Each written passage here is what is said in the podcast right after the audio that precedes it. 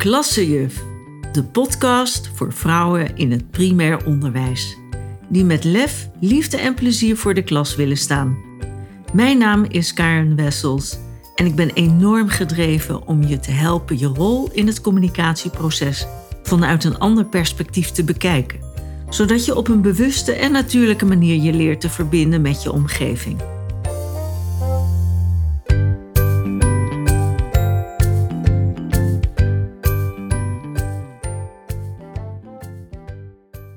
Hallo, leuk dat je weer luistert naar deze korte inspiraties. Vandaag gaat het over dubbele signalen afgeven.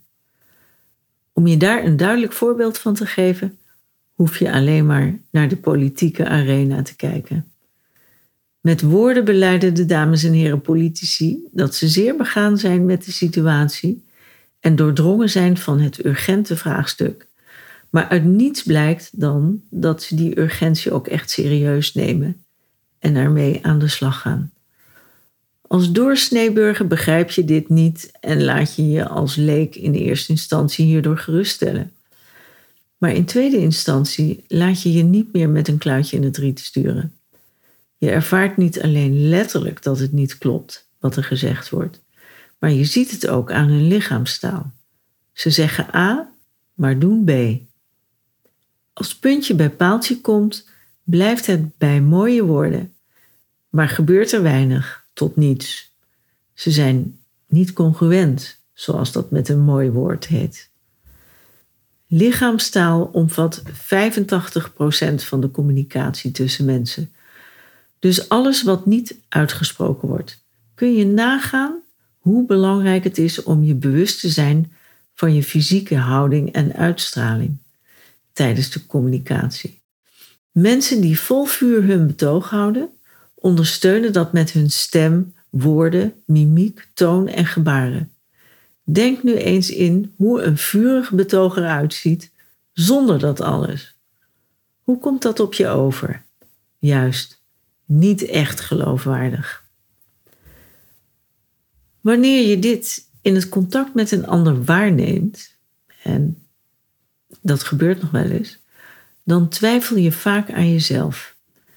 Je denkt, hé, hey, dat is vreemd. Mijn collega bijvoorbeeld zegt dat ze mee wil doen aan een workshop. Creatief denken, ik noem maar iets. Maar dat zegt ze nu wel, alleen zo voelt het voor mij helemaal niet. Immers, deze collega zegt altijd het al druk genoeg te hebben met haar werk dat ze geen tijd en zin heeft in alle extra's. Die wil nu ineens wel deelnemen. Nou, dat zal wel een vergissing van haar zijn. Straks zegt ze toch weer af. Dit is een duidelijk voorbeeld van een aanname die je niet hard kunt maken. Misschien is het wel aannemelijk gezien het verleden, maar je mag er niet van uitgaan. Deze gedachte uitspreken kan wel eens leiden tot allerlei loze berichten waar anderen weinig of niets aan hebben. Het verstoort alleen maar de onderlinge verstandhouding. Dit voorbeeld staat niet op zichzelf natuurlijk. Hè?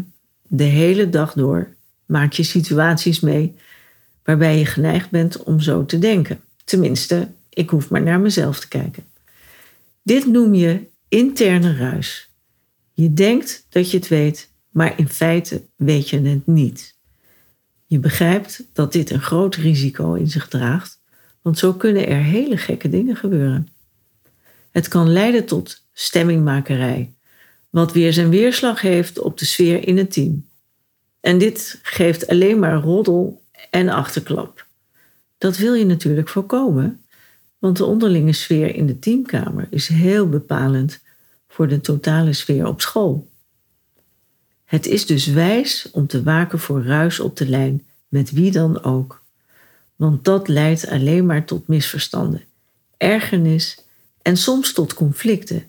En dat wil je natuurlijk helemaal niet. En hoe doe je dat? Conflicten voorkomen. Door de dingen bij de naam te noemen en erover in gesprek te gaan met elkaar. Heel eenvoudig je uit te spreken. Om duidelijk te krijgen en het duidelijk te houden. Zo simpel kan het zijn. om ruis van de lijn te halen.